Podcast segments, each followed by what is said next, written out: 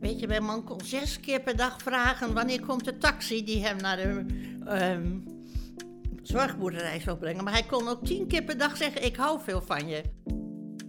Als Janneke's man de diagnose Alzheimer krijgt, geeft zij een feest. Om te laten zien, wij zijn nog steeds dezelfde mensen. Maar ook om vrienden te vragen wie er wil helpen. Want Janneke wil haar man zelf verzorgen in hun eigen huis. En dat lukt. Dankzij hulp, maar ook dankzij de levenskunst van Janneke.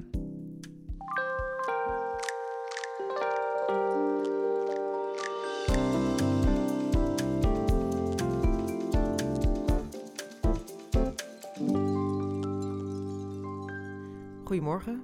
Fijn dat, Goedemorgen. we, fijn dat we in gesprek gaan vandaag, Janneke. Ja, Ehm, we gaan het hebben over uw taak die u had eh, om uw man te verzorgen. eh, omdat hij de diagnose ziekte van Alzheimer he- kreeg. ja. Hij was toen 65.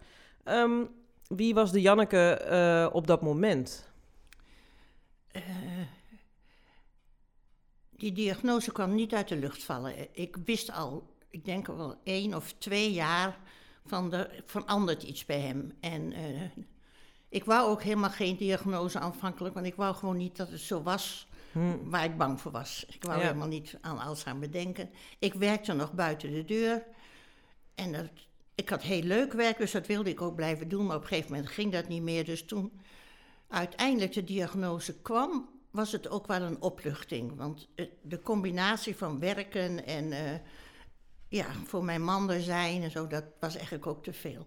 Dus toen de diagnose kwam, nou ja, was het ook van dit is nu eenmaal zo. ja, eigenlijk een soort... Ja. eh, eh, ja, dus enerzijds een opluchting en anderzijds ook... Waar ja, dus, bevestiging van bevestiging iets wat van we de- eigenlijk al wisten. ja, ik wat- ben toen met mijn oudste dochter samen naar de naar die, eh, die geriater en zo geweest. En dat was fijn om met z'n tweeën te zijn. Ja, want wat waren de symptomen? hè, u zei, ik merkte al langer tijd dat er iets was. Wat, wat, wat merkte u dan? Nou, ah, doordat ik nog buiten de deur werkte en mijn man niet meer, deed hij heel veel dingen in huis. En hij regelde bijvoorbeeld ook weekenden dat wij weggingen. En dat kon hij helemaal niet meer. Dan ging de reisbureautje mij bellen van... eh, ja, we, hij, kan helemaal niet tot een besluit komen. En op een gegeven moment wist hij ook niet meer precies de rol van de kinderen. Dan zei hij, zijn dat eh, neven en nichten van ons? Of, nou ja, dan Mhm. Kun je niet meer eh, bedenken dat er niks aan de hand is. Nee, nee. Ja. En, en u was eigenlijk de... U had het eigenlijk eerder door dan uw man zelf? Of, of eh, was er ontkenning bij? Ik denk dat hij, want hij zei wel eens, dat realiseerde ik me eigenlijk achteraf, Alzheimer komt voorbij. En dan zei ik, nou, zullen we dan naar de dokter gaan, Dick? En dan wou hij dat absoluut niet. Mhm. Maar dus hij heeft zelf ook wel doorgehad dat er iets niet klopte. Ja. En de kinderen waren er eerder dan ik, hoor. De Ja? kinderen hadden eerder, ja, die zien hem, net- zag hem natuurlijk, ja, één keer in de maand of zo. En dan zie je dat ook eerder dan dat je met iemand... eh, Ja. Ah, als je met iemand gewoon leeft, kun je jezelf ook wijsmaken dat het eh, allemaal nog wel meevalt. Want, want, want u zegt dan, hè, je, was, u was eigenlijk een beetje bang voor wat er mogelijk zou kunnen zijn, terwijl u het diep van binnen dus wel wist. Wat, wat was dan eigenlijk de, de grootste angst eh, die daaronder lag? Nou, ik voelde mezelf nog helemaal niet bij oude mensen horen. En ik dacht, dan krijgen we zo'n wereld van oude mensen en alleen maar zorgelijkheid om ons heen. En ja, dat wou ik eigenlijk niet. Nee, nee, nee. Angst voor wat er dan zou komen en dat het Ja. leven u- dat En dan weet je ook dat het een doorgaand proces is. Dat Ja. je niet kan zeggen van, nou het gaat wel weer over. Nee, het wordt alleen maar Ja. erger. Ja. Dus het was eigenlijk, u ging naar de, naar de dokter. En Ja. het was wel duidelijk met die insteek van, eh, we hebben hier te maken met dementie. Was niet meer van, we gaan nog allerlei onderzoek doen om te Nee. kijken van, Nee. hopelijk is het iets anders. Nee, nee, dat had ik helemaal. Ik Nee. wist het eigenlijk al lang. Ja. ja. En, en wat, was, eh, wat betekende die bevestiging? Welke, eh, wat wa- waren uw eerste gedachten daarbij? Toen hij de diagnose kreeg. Ja, aan de ene kant een gevoel van opluchting. Nou, nou weten we het zeker, nou moeten we ons daarop instellen. Mhm. En de andere kant ook wel heel erg schrikken. Maar we hebben eigenlijk, toen, hij, toen de diagnose er was, toen zei mijn man tegen de dokter, heb ik eh, hersentumor, want daar waren twee vrienden van ons aan overleden. Die dokter zei, nee, wilt u weten wat u wel heeft? mijn man zei ja. Toen zei de, die arts, was vrouwelijke arts, eh, u heeft Alzheimer. En mijn man trok even helemaal wild weg, Mhm. wit weg. En toen zei hij, eh, nou dan gaan we naar huis. en eh, toen was het, denk ik, de, het inzicht al een beetje weg. Toen zijn we naar huis gegaan, ik heb gebakjes gekocht. En we hebben daar in de serre gezeten met het idee van... Nou, we gaan het beste van maken. Ja, En dat hebben we ook gedaan. Ja, ja. En, en eh, dus uw man kon het eigenlijk, eh, wat, die verwerkte het op een andere manier. Ja, die, die, die was al. Hij wist wel dat hij wat had, maar dat is iets anders dan inzicht hebben. Ja, precies, ja. Gelukkig maar, dat is het fijne, vind ik, van Alzheimer, dat het inzicht ontbreekt. Ja. Maar hoe is dat dan voor u? Want eh, er moet een soort plan van aanpak komen. Eh, Er moet een keuze gemaakt worden. Eh, u zegt, hè, u was al bij de geriater en u wist eigenlijk al dat dat zover het was. Dus niet een heel langzaam proces. Het was al vrij snel. ehm, en hoe ging, die, hoe ging dat plan van aanpak? Nou, er werd toen, mijn man die werd getest, hè. Ik, kreeg, ik kreeg ontzettend veel testen en dan was hij kletsnat van het zweet, van de spanning van die test. Hij was leraar en als leraar had hij dus het idee, ik moet alles weten. Ja. En hij wist heel veel dingen niet meer en dat vond hij heel belastend. En toen dacht ik, houd toch op met dat testen, want het kan me eigenlijk niet zo heel veel schelen wat hij nou allemaal wel en niet weet. Maar ja, dat kon niet, want dan, je hebt ook recht op bepaalde vergoedingen en daarvoor moet er een diagnose zijn. Toen die diagnose er eenmaal was, toen moest ik huilen, omdat ik het zo erg vond dat ze nog dat eh, onderzoek af wilden maken. Terwijl hij er zo vreselijk onder leed. En ehm, nou, het was wel fijn dat ik moest huilen, want eh, er kwam er iemand naar mij toe die zei: U kunt ook ondersteuning krijgen van iemand van de RIAG. Heb ik meteen ja op gezegd en eh, nou, toen kregen we dus een begeleider. En daar heb ik heel veel aan gehad. Ja. En wat, was de taak van de, de begeleider? Dus onder andere u ondersteunen? En, en ja, hoe- samen met, met ons eerst en later al gauw alleen met mij, Mhm. kijken van hoe we wilden leven. Ja, dus ook daarin een soort van... Hoe ziet u het voor zich? eh, Ja. En ook eh, wat betreft Ja, de en hij ondersteunde ook echt. en Ik had meteen het idee van als het enigszins kan, wil ik graag dat mijn man thuis blijft. Mhm. En de, hij zal daar een mening over gehad hebben, maar dat was niet belangrijk. Hij ondersteunde de manier waarop wij het wilden doen. Ja, wat En dat fijn. heeft hij hartstikke goed gedaan. Ja, ja. En het was dus eh, voor u meteen, of nou meteen, vrij snel duidelijk... ik wil de zorg eh, hier zo lang mogelijk... Ja. Zo mogelijk thuis doen. En Ja. ik, wij hadden veel vrienden en vriendinnen. Dat maakte ook heel veel verschil. Die wilden ook allemaal wel wat doen. Ik heb toen een feestje gegeven. Ja, dat klinkt gek, maar een feestje gegeven. En daar waren ongeveer 25 mensen, de dichtstbijzijnde vrienden.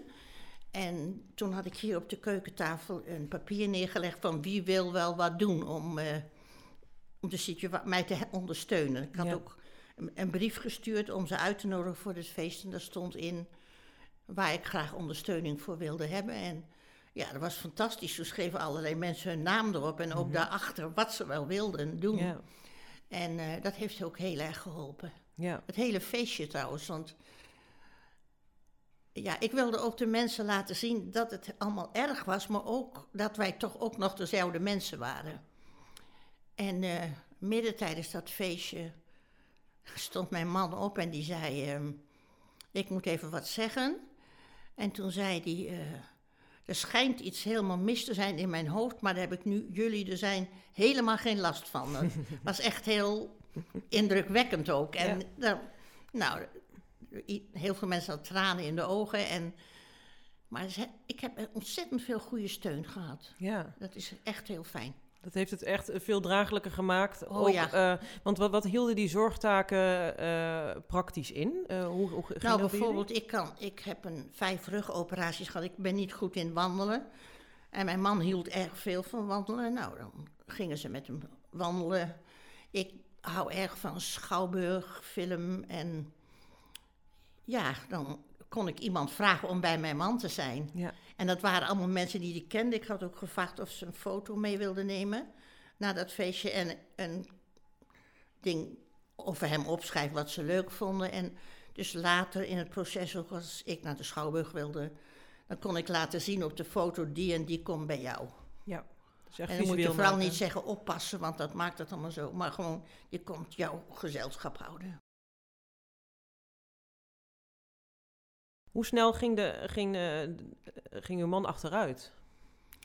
Na de diagnose vrij snel, maar ik kan het niet vergelijken omdat ik niet andere mensen ken in die fase. ehm, ik denk ook omdat ja, zowel hij als ik en iedereen om ons heen wisten dat hij ziek was. Dus hij hoefde ook niet meer te doen alsof het allemaal normaal was.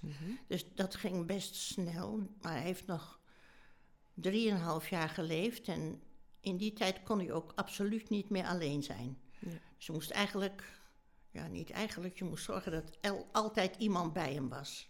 Want hij kon, als hij bijvoorbeeld het licht aan wilde doen en dat lukte niet, dan bedacht hij niet dat hij misschien een verkeerde knopje had. Maar dan ging hij een zaag halen en dan ging hij ergens aan zo'n ja, zagen. Ja, En dat, was, dat kon gevaarlijk zijn. En de gevaarlijke dingen, ja, daar moest je voorkomen. ja, tuurlijk, ja. En want, eh, ehm, zeg maar, toen de diagnose eh, er was, was uw man 65. Ja, En u was eh, iets jonger, Ja. dus u werkte ook nog. ja Ehm, maar daar ben ik, was ik al mee opgehouden. Hè? Omdat ik merkte van... eh, mijn man, ik had altijd, was altijd blijven werken. En dat was in die tijd ongebruikelijk. Dat hoorde ook niet. Maar goed, dat vonden wij alle twee prima. En, eh, maar toen ik de laatste jaren, dus voordat de diagnose was, merkte ik dat hij het echt heel moeilijk vond om alleen thuis te zijn. En toen ben ik gestopt. Ja, dus u heeft wel gedacht... Ja, want ik wilde gewoon dat hij het goed had. Ja, en dat jullie dus samen ook konden doen. En, Ja. precies, ja. En ehm, eh, welke rol speelden uw kinderen? Eh, uw kinderen waren al Ja. thuis, u heeft drie kinderen, of jullie hebben samen drie kinderen. Ehm, eh, wat, wat, eh, hoe gingen zij daarmee om? Ja, verschillend, want het zijn verschillende kinderen. De oudste dochter, ja, die, die kon heel goed met mijn man uit de voeten, ook toen hij verder in het proces raakte. Dus die heeft ook ja, zorgverlof gekregen van haar werk, een aantal uren in de week. Zodat ze, want ze wonen allemaal verder weg, dat is een beetje jammer. De andere dochter, die kon niet zo goed mee omgaan, maar die heeft me heel goed geholpen met eh, al de administratie rondom dat persoonsgebonden budget dat we kregen. En mijn zoon, ja, die heeft een autismestoornis. Voor hem was het en lastig, maar aan de andere kant ook wel weer mooi om te zien hoe goed hij toch met mijn man uit de voeten kon. Ja, Dus ze hebben alle drie geholpen op hun, met hun mogelijkheden. ja. Jullie zaten natuurlijk in de fase van, eh, voordat de diagnose er was, eh, dan ga je met pensioen. Eh, Dat Ja. waren de ideeën. En dan, Ja. Hadden jullie plannen die, die Oh, ja. daardoor in, in duigen vielen? Heel veel. We hadden, een, we hadden een omgebouwd vrachtscheepje, had mijn man omgebouwd.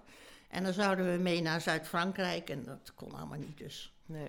Maar ja, weet je, ik ben wel gewend dat in het leven dingen anders gaan dan je graag zou willen. Dus daar kan je ook. ons eerste kind is overleden en vanaf dat moment had eigenlijk, ja, misschien gelukkig wel het idee van niet alles gaat zoals je je dat allemaal voorgesteld hebt. En door de, mijn zoon, die overigens eh, verder heel intelligent is, ehm, ja, hadden wij ook een wat ander gezin dan andere gezinnen hadden. En dat heeft ook wel geholpen, denk ik. Het gevoel van wees maar blij met wat wel goed is. En eh, ja, zo kan het ook. Ja, dus eh, meer de acceptatie van hoe het leven gaat. Ja. Ja, ja, Dat hadden we al wel gehad. ja. Ja, ja. nou ja, precies. dat, dat was makkelijk. Makkelijker dan dat je nog nooit wat meegemaakt hebt, denk ik. Nee, precies. Dan, dan, wordt, dan overvalt Dan is het misschien iets meer. overvalt je iets vreselijks. En ja, zo was dat eigenlijk niet. Nee, dus het was voor u niet dat u bleef hangen in... Oh, maar nu kunnen we, kunnen we al deze Nee. dromen samen niet meer... Nee, Nee, dat, nee. dat was niet, helemaal niet belangrijk. Hoe, hoe was het eh, in die, in die drieënhalf jaar? Waren er eh, eh, op- en af momenten? Waren ook heldere momenten? Of, of... Ja, dat was ook, vind ik ook het vreemde aan de ziekte van Alzheimer. Dat, je, dat mijn man kon ook naar beneden komen en dan zeggen van, het is helemaal mis met mij, in mijn hoofd. En dan zag hij mij en zei hij, maar jij kan alles. Nou ja, dat was natuurlijk, was niet zo, maar was wel mooi. Dat hij, hij vertrouwde heel erg op mij. Ja. En dat heeft denk ik ook wel te maken met, wij hadden het gewoon heel goed samen. ja. En eh, ja. De lastige dingen in ons huwelijk hadden we allemaal prima verwerkt. En hij heeft heel veel voor mij moeten zorgen toen ik eh, die vijf rugoperaties had. En eh, ja, dat maakt ook dat ik zelf heel graag ja, voor hem wilde zorgen. Ja, want wat, wat was uw levensinstelling op dat moment? Want u, hè, dus u zei ook van, wat houdt dan een relatie eh, voor u in die zin in? Ja, mijn idee over het leven is dat het beste wat je kan doen is als mensen onderling elkaar helpen en dat mensen die een gebrek hebben, anders zijn dan andere mensen, dat die erbij horen en dat je als normaal mens moet zorgen dat eh, dat, dat ook gebeurt. Ja. En dat je daar een grote verantwoordelijkheid voor hebt en dat dat ook fijn is. Ik heb altijd met verstandelijk gehandicapte kinderen en hun ouders gewerkt. En daar had ik natuurlijk ook al veel, dat heb ik niet voor niks gekozen en daar had ik ook al heel veel van geleerd. Mhm. Van ja, ik vind de omgang van mensen met elkaar, dat is het belangrijkste. Ja, daar, daar spreekt veel liefde uit. Ja, Ja. daar kan je, kan je liefde ja, in... dat, eh, ja. dat, en je krijgt ook heel veel terug. Ja. ja, want dat was inderdaad ook een van mijn vragen. Want hoe, hoe, ehm, eh, hoe krijg je die liefde dan nog terug als je, als je man aftakelt en eigenlijk eh, in een ander soort relatie terechtkomt? Ja. Weet je, mijn man kon zes keer per dag vragen wanneer komt de taxi die hem naar de ehm, zorgboerderij zou brengen. Maar hij kon ook tien keer per dag zeggen, ik hou veel van je. En dat hielp ook. Ja. Dat is, en dat was ook echt, dat was geen opgedreund lesje. Mhm. En eh, nou ja, dat, dat was omgekeerd ook zo. En natuurlijk wordt dat houden van een ander soort houden van. Maar wel met heel sterk de behoefte van ik wil dat je niet bang bent. Ik wilde heel graag dat mijn man zich gerespecteerd voelde en dat hij niet bang was. En dat lukte eigenlijk. Ja. Ja. Ja. Het was voor hem, natuurlijk was het wel naar, maar geen vreselijke ziekte. Dat besefte hij helemaal niet. Nee. Dus er was ook niet zoveel. Hè, soms eh, zie je bij mensen eh, met dementie eh, dat er heel veel weerstand zit in die acceptatie. En, Ja. en eigenlijk hebben jullie dus samen een soort. Ja, hij had het, want op een gegeven moment kregen we hulp met aan- en uitkleden. Want ik kan niet bukken, dus dat kon al helemaal niet meer. Mhm. En dan had je wel eens mensen bij. Nou, de meesten deden het prima, maar we hadden ook iemand die ja, zogenaamd heel opgewekt tegen hem zat te doen. En eh, die deed alles wat niet moest, deed zij wel. En eh, dan werd hij heel kwaad. Hm. Dus ik heb wel heel erg gemerkt dat het enorm belangrijk is om wel respectvol met iemand om te gaan. En eh, ook opmerkingen die in mijn ogen nergens op sloegen serieus te nemen. En eh, ja, dan ging het goed. En als het niet goed ging, dan probeerde ik altijd naar de hand, want dat ging bij ons ook wel eens niet goed natuurlijk. Ik was ook wel eens heel boos. Mhm. Dan te bedenken van hoe is dit nou gekomen en hoe kan dat de volgende dag anders. Ja. Ik heb eh, toen een dagboek bij gaan houden en in dat dagboek schreef ik aan het eind van de dag ook altijd de dingen die goed, gedaan, goed gegaan waren, en, maar ook de dingen die niet goed gegaan waren. En eh, nou, daar kon je veel van leren. Ja. Dacht ik achteraf, oh ja, soms was ik gewoon te moe. En dan, eh, nou ja, als je heel moe bent, dan eh, je meestal ook niet zo leuk. Mi- Minder leuk. Ja. ook niet, ja, ja. Ja. Want die, die gelijkwaardigheid eh, in die relatie, die verdwijnt natuurlijk. eh, ja, helemaal weg. Ja, en, en ehm, hoe zorgde u er dan voor dat, dat, eh, dat u zichzelf nog wel gezien voelde in, in de verhouding met uw man? Ja. Ik, heb, ik denk dat het heel belangrijk was dat ik ook nog andere contacten had. Mensen die mij bevestigden in mijn gewone zijn. En dat ik nog heel actief was in een eh vrijwilligersiets. En ja, mijn man werd op een gegeven moment meer een iemand waar je zorg voor draagt. Maar dat betekende niet dat ik, hem, dat ik niet meer van hem hield, maar op een andere manier. Dat moet, ja, dan moet je ook. Ik weet dat ik op een gegeven moment dacht, ik moet het nu goed vinden dat hij Alzheimer heeft, want anders kunnen we niet verder.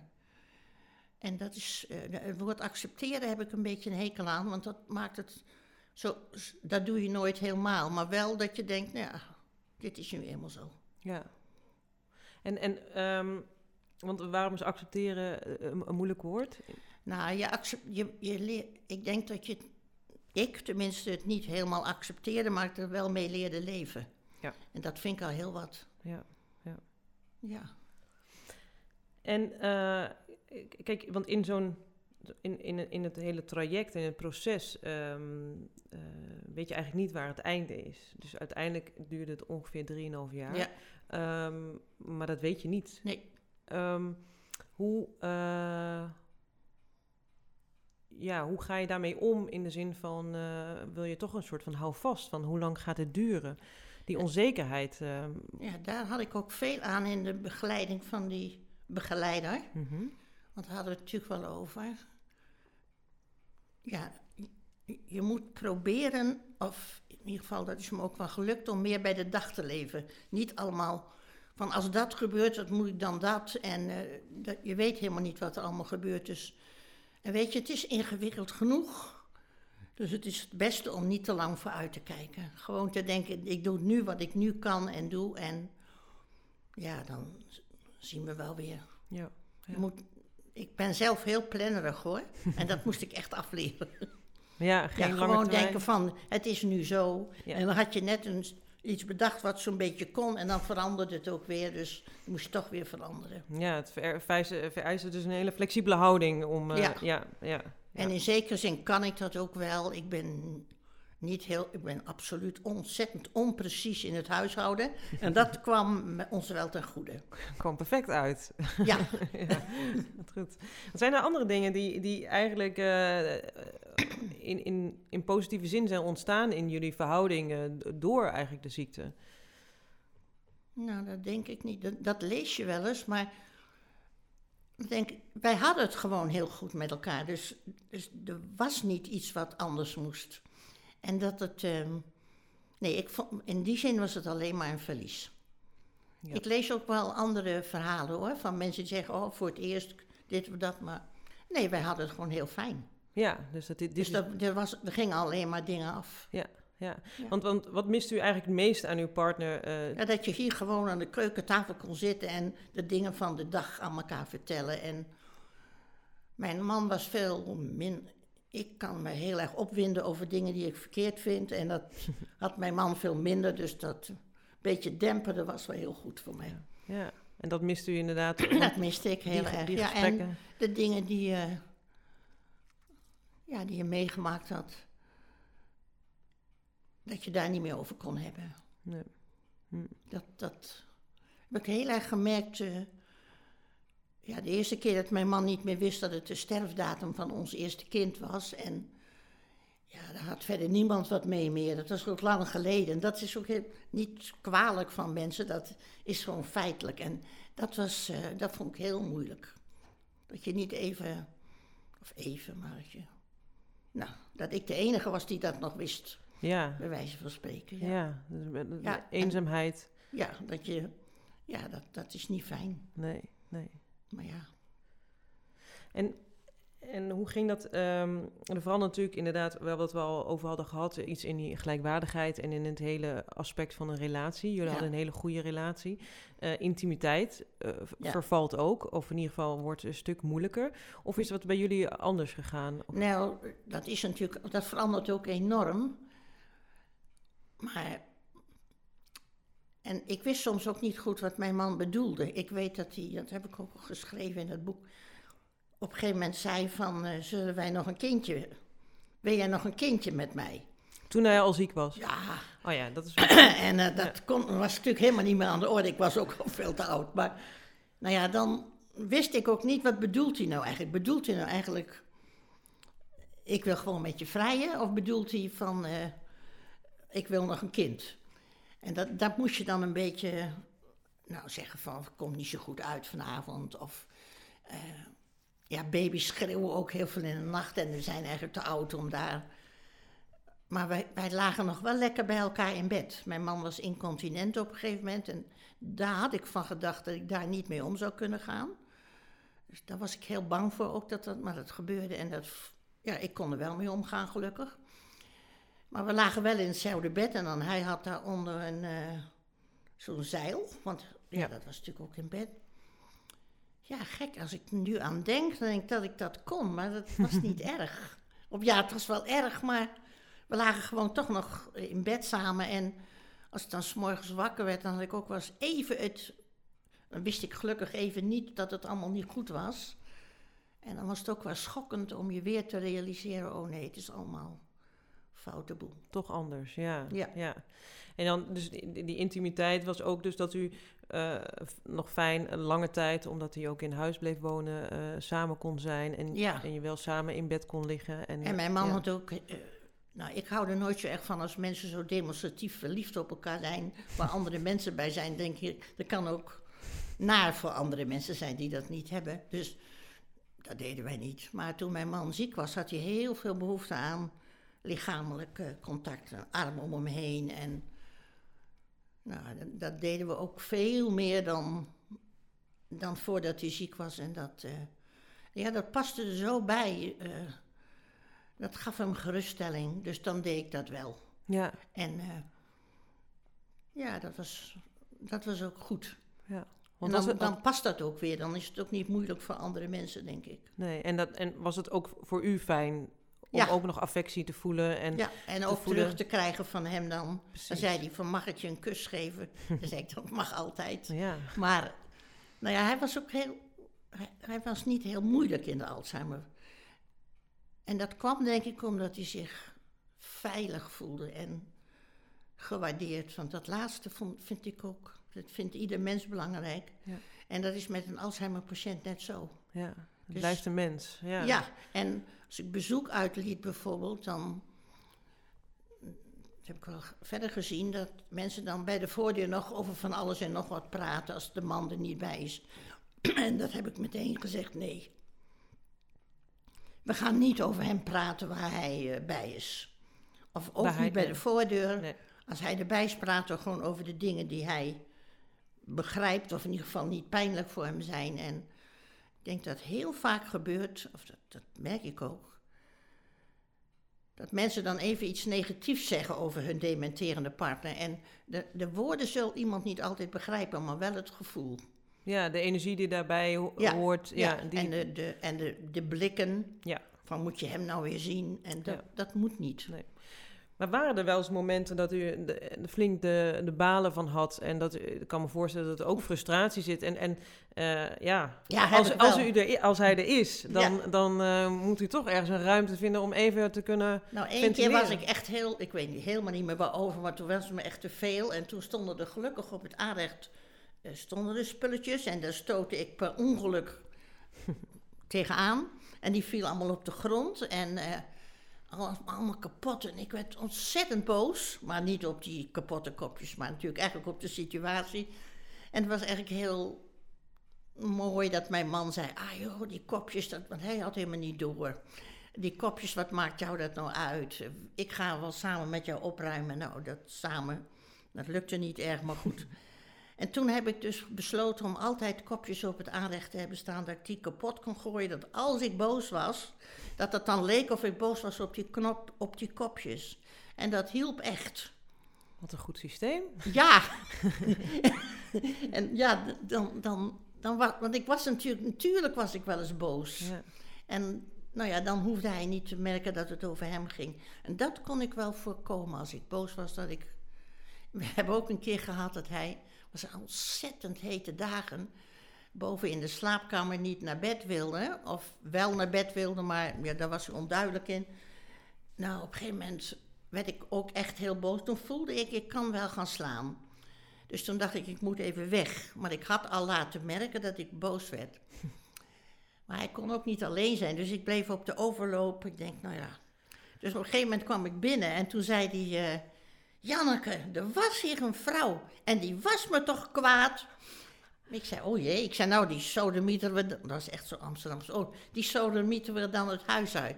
nou ja, dan moest hij lachen en ik ook lachen. En hij associeerde dat totaal niet met mij. Nee. En dat, nou ja, zo kon je wel van dat soort uitwegen vinden. Dat je best eens je emotie kwijt kon zonder het op hem. eh. Ik, ik, heb, ik heb ook wel eens. Keken we naar een televisieprogramma en er was iets.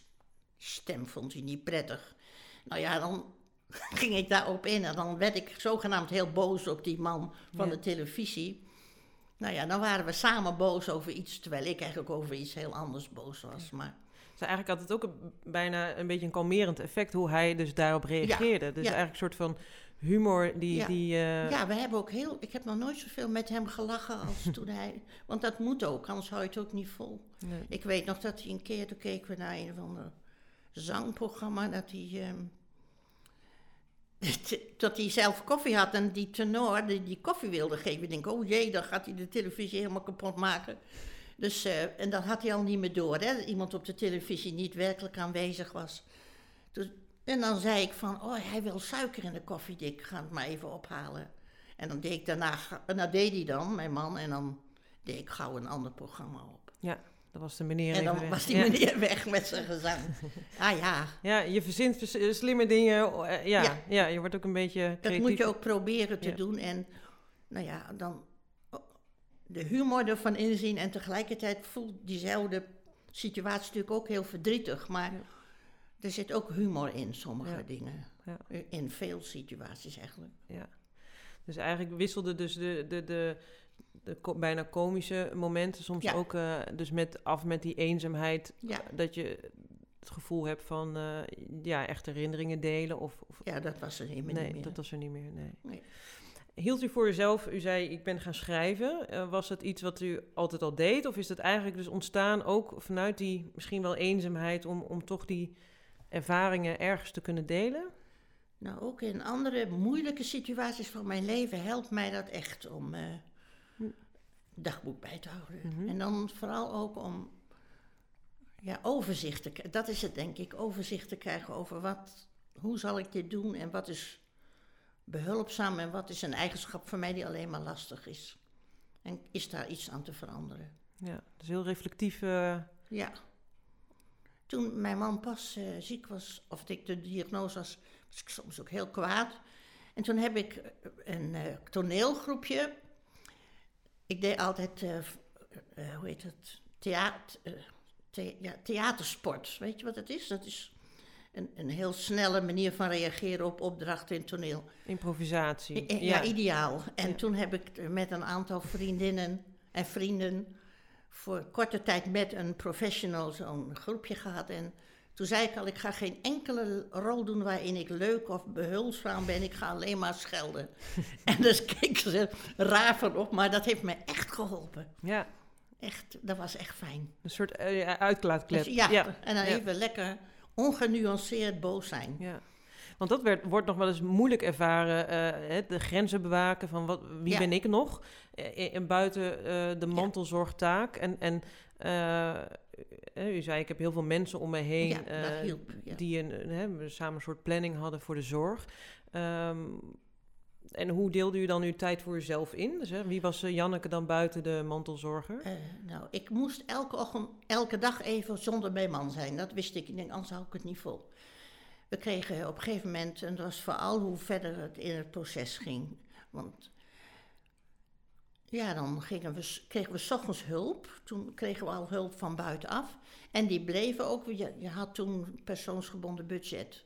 En dat was ideaal. Kon je mensen inhuren.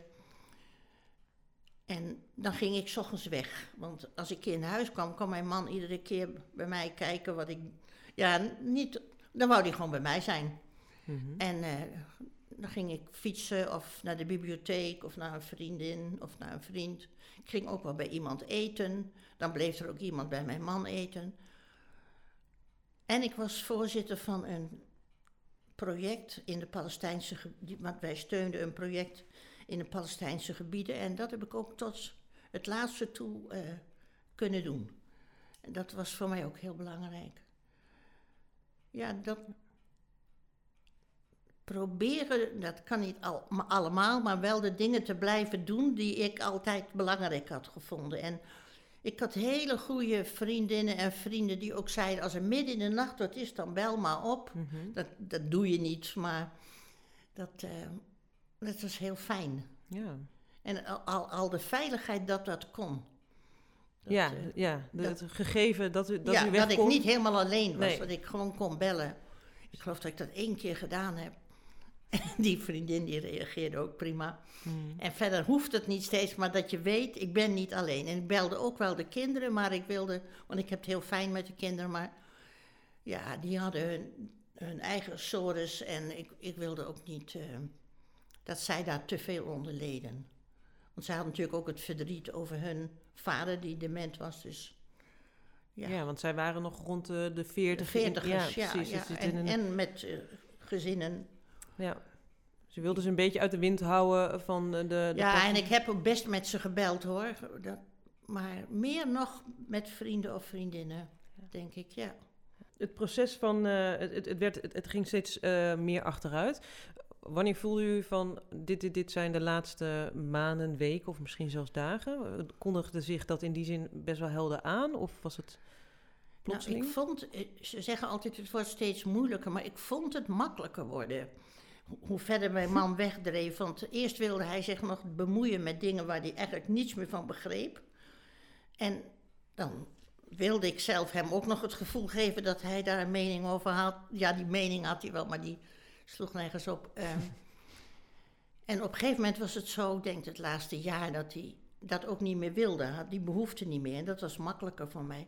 Als ik dan wegging, dan eh, was hij ook niet meer blij als ik terugkwam. En dat was ook verdrietig, want aanvankelijk was het zo, nou, als ik weg was geweest en ik kwam terug, dan was hij helemaal gelukkig. En eh, voor de eerste keer dat, hem dat, echt, dat hij dat helemaal niet meer merkte, vond ik ook heel erg. Tuurlijk, dat is ook heel verdrietig, maar het is ook makkelijk. Dus dat laatste jaar was het al zo. Op een gegeven moment kon hij, eh, liepen we een ommetje. En toen eh, kon hij op een gegeven moment, de, de stoep herkende hij niet meer. Dus toen viel hij bijna. En ehm, vanaf dat moment is het heel vlug gegaan. Toen, de volgende dag kon hij al niet meer lopen bijna. En de laatste weken, dat waren er maar drie of vier. Mhm. Maar toen wisten we natuurlijk al wel van, of ik wist al wel van, dit gaat niet lang meer duren. Maar ook dan kunnen ze niet zeggen hoe lang nog. Nee. Maar, nou ja, de, ik had ook een prima huisarts. Die op een gegeven moment eh, zei van, eh, ja, dan kan hij nu beter naar een verpleeghuis. Ik zei, ja, dat hoeft nou helemaal niet, want hij ligt in bed. Dat was niet ingewikkeld. Hij kon niet meer een zaag pakken of Nee. kon niks gevaarlijks meer gebeuren. En toen zei hij, oh ja, daar heb je ook gelijk aan. dus, maar ja, het is niet gebruikelijk dat iemand de laatste periode nog thuis is. Maar ja, toen wisten we wel van... En toen op een gegeven moment kon hij niet meer eten of drinken. En gelukkig hadden we mee door die eh, begeleider... daar van tevoren over gehad, wat gaan we dan doen? Ja, precies. En eh, toen hadden we afgesproken, ik met de kinderen ook, van we gaan niet iets forceren. Dus we gaan geen slangetjes doen. Als hij niet meer wil, dan hoeft hij niet meer. Of niet meer kan, hè, want willen en kunnen, dat kan je niet. Nou, en dat is ook zo. En dat ben ik heel blij omdat we dat van tevoren over hadden gehad. Ja. Want ik merkte toen mijn man voor het eerst niet meer wou eten of drinken, of kon eten of drinken, dat ik er enorm zat te pushen van toen nou. En, eh, dat ik, en toen dacht ik opeens, oh nee, dat hebben we helemaal niet afgesproken. en toen heeft hij nog, nou ja, dan weet je, vijf, zes dagen, dan Ja. is het voorbij. Kunt u vertellen hoe de laatste dagen dan waren? Ja, toen heb ik veel bij hem gezeten en het was heel mooi weer. Het was oktober, prachtig weer. Ja, dan zat ik daar maar gewoon en zei ik zo nu dan, dit hoeft ook niet meer, Dick. Ik had ook echt het gevoel van, het is klaar, dan moet het ook stoppen. En ja, op het moment dat hij, ik vond het wel heel, ik had nog nooit bij iemand meegemaakt die, eh, er was nooit bij geweest. ik vond het ook heel opvallend hoe het verschil is tussen iemand die nog leeft en iemand die echt niet meer is. Dat, dat plotseling een gevoel van, ja, nou is het ook echt helemaal afgelopen. En toen was ik, ja, nee, niet blij, maar ik had ook het gevoel, we hebben het samen gered, het hoeft nu ook niet meer. En daarna was ik ook verschrikkelijk verdrietig. Ja. Maar ik had natuurlijk wel allerlei contacten goed aangehouden. Mijn eh, vrijwilligerswerk goed aangehouden. Dus ik heb niet het gevoel dat ik in een enorm gat ben gevallen. Het was raar dat ik plotseling alles kon doen wat ik zelf wou. ik werd opgebeld door een vriendin die zei: Kom je morgen bij me eten? Toen zei ik: Goh, joh, dat is allemaal veel te kort dag, want dan moet ik allemaal nog regelen. En er hoefde niks meer geregeld te worden. ineens had u een vrijheid ja, terug. Ja. dus ja. En ehm, nou ja, op zich was, je, was ik daarna een paar weken ook wel weer aan gewend. Ja. Dat alles weer kon. En ik heb wel heel erg veel verdriet nog gehad, maar daarnaast speelde dus ook altijd. Het is voor hem ook beter dat het afgelopen is. Ja. En voor mij ook. Want ik had best kunnen zijn dat ik het op een gegeven moment niet meer volhield. Nee, precies, dat is voor u Dat misschien weet ook... je niet. Ja, Ik- nee, nee, dat nee. weet je gewoon nee. niet. En, en eh, omdat u dat dagboek bijhield, was dat iets waar u ook naar teruggreep na- nadien? Na, na het Daar heb ik, ben ik nog een hele tijd blijven doen. En Hm. ja, toen kwam ik in een, werd ik gevraagd als mantelzorger in een groepje. Dat heette het LPG, Landelijk Dementieprogramma. Om, om na te denken en dingen te organiseren voor mensen die dement waren of hun mantelzorgers. Nou ja, toen gingen wij een, gidsje maken en daar kwamen een paar, een paar verhalen in over dementie. Nou, die had ik. Ja, en toen belde een journalist, toen ik, die las dat volletje, wat, volletje, een boekje was het. En die zei, Gut, dat moet je uitgeven. En ja, toen heb ik het maar opgestuurd naar een uitgever, een paar verhalen. En die belde meteen de volgende dag op van, eh, als je er meer hebt, dan ga ik dat uitgeven. Nou, dat is allemaal heel snel gegaan. Ik, ik, nou, twee, drie maanden. En toen had ik ineens dat boek. En dat was eh, ook wel schokkend. Want er staat, dat is best heel privé. Ja. En ehm, het kon me niet schelen voor de mensen die ik kende, want die, die wisten dat wel. Maar voor mensen die ik half kende, ik voelde me werkelijk. Ja, ik wist niet meer hoe ik moest kijken. Ik liep op straat met mijn hoofd naar beneden. en de boekhandel, die, ja, die wil natuurlijk ook verkopen. Dus die had de, de enorme foto van mij in de etalage. En toen heb ik gevraagd of ze die weg wilden doen. Nee, dat wilden ze niet. nou ja, na een paar weken ben je eraan gewend. Maar, eh, en dan is het ook weer voorbij. ja. Want ineens stond er dus uw verhaal in een boek. Ja, en, En- ik ben ook wel bij die vreselijke man eh, van de EO, hoe heet hij nou? Andries Knevel geweest. Dat ga je vast niet. Dat weet ik niet. Nee, maar goed, ja, dus eventjes is er dan heel veel reuring omheen. Ja. Maar ja, dat was al 2,5 jaar na het overlijden van mijn man. Dus dat. Dat kon u goed aan ook. Dat- of, ja. was het rakelde ook alweer een heleboel? Ja, da- en, en dan weet je zelf ook wel, dat is een paar weken is dat heel interessant voor mensen in Deventer. En Ja. daarna het ook weer weg. dan is Ja. dat, hebben mensen wel weer wat anders aan hun Ja. hoofd, gelukkig. En heeft u ook wel een mooi schrijven van een... Van een eh, ja, want ja, ik had die, die stukjes natuurlijk een beetje zo gemaakt dat het ook te, goed te lezen was. En Ja. eh, dat, op zich is het ook wel fijn dat dat er is. Ja, ja, ja, ja, ook voor andere mensen. die- Ja, Want, en, en ik merk ook, ik heb heel veel reacties altijd gehad, dat eh, heel veel mensen er wat aan hebben. Vooral met de gedachte dat er iets te kiezen valt. Hoe bedoelt u dat? Nou, te kiezen van, wil je iemand graag zo lang mogelijk thuis houden, of wil je liever dat hij naar een verpleeghuis gaat? Ga je alles mijden, zodat mensen zo weinig mogelijk merken dat iemand ziek is of dement is? Of, en daar had ik niet de neiging toe, dus ik ging met hem overal heen. Nou ja, dat je dat soort dingen kan kiezen. Dat het Ja. niet alleen maar is van dit is van de een naar de ander en je kan er verder niks mee. Nee, of dat u... Of dat, En dat u- het ook niet alleen maar ellende was. Nee, dat nee. was het ook niet.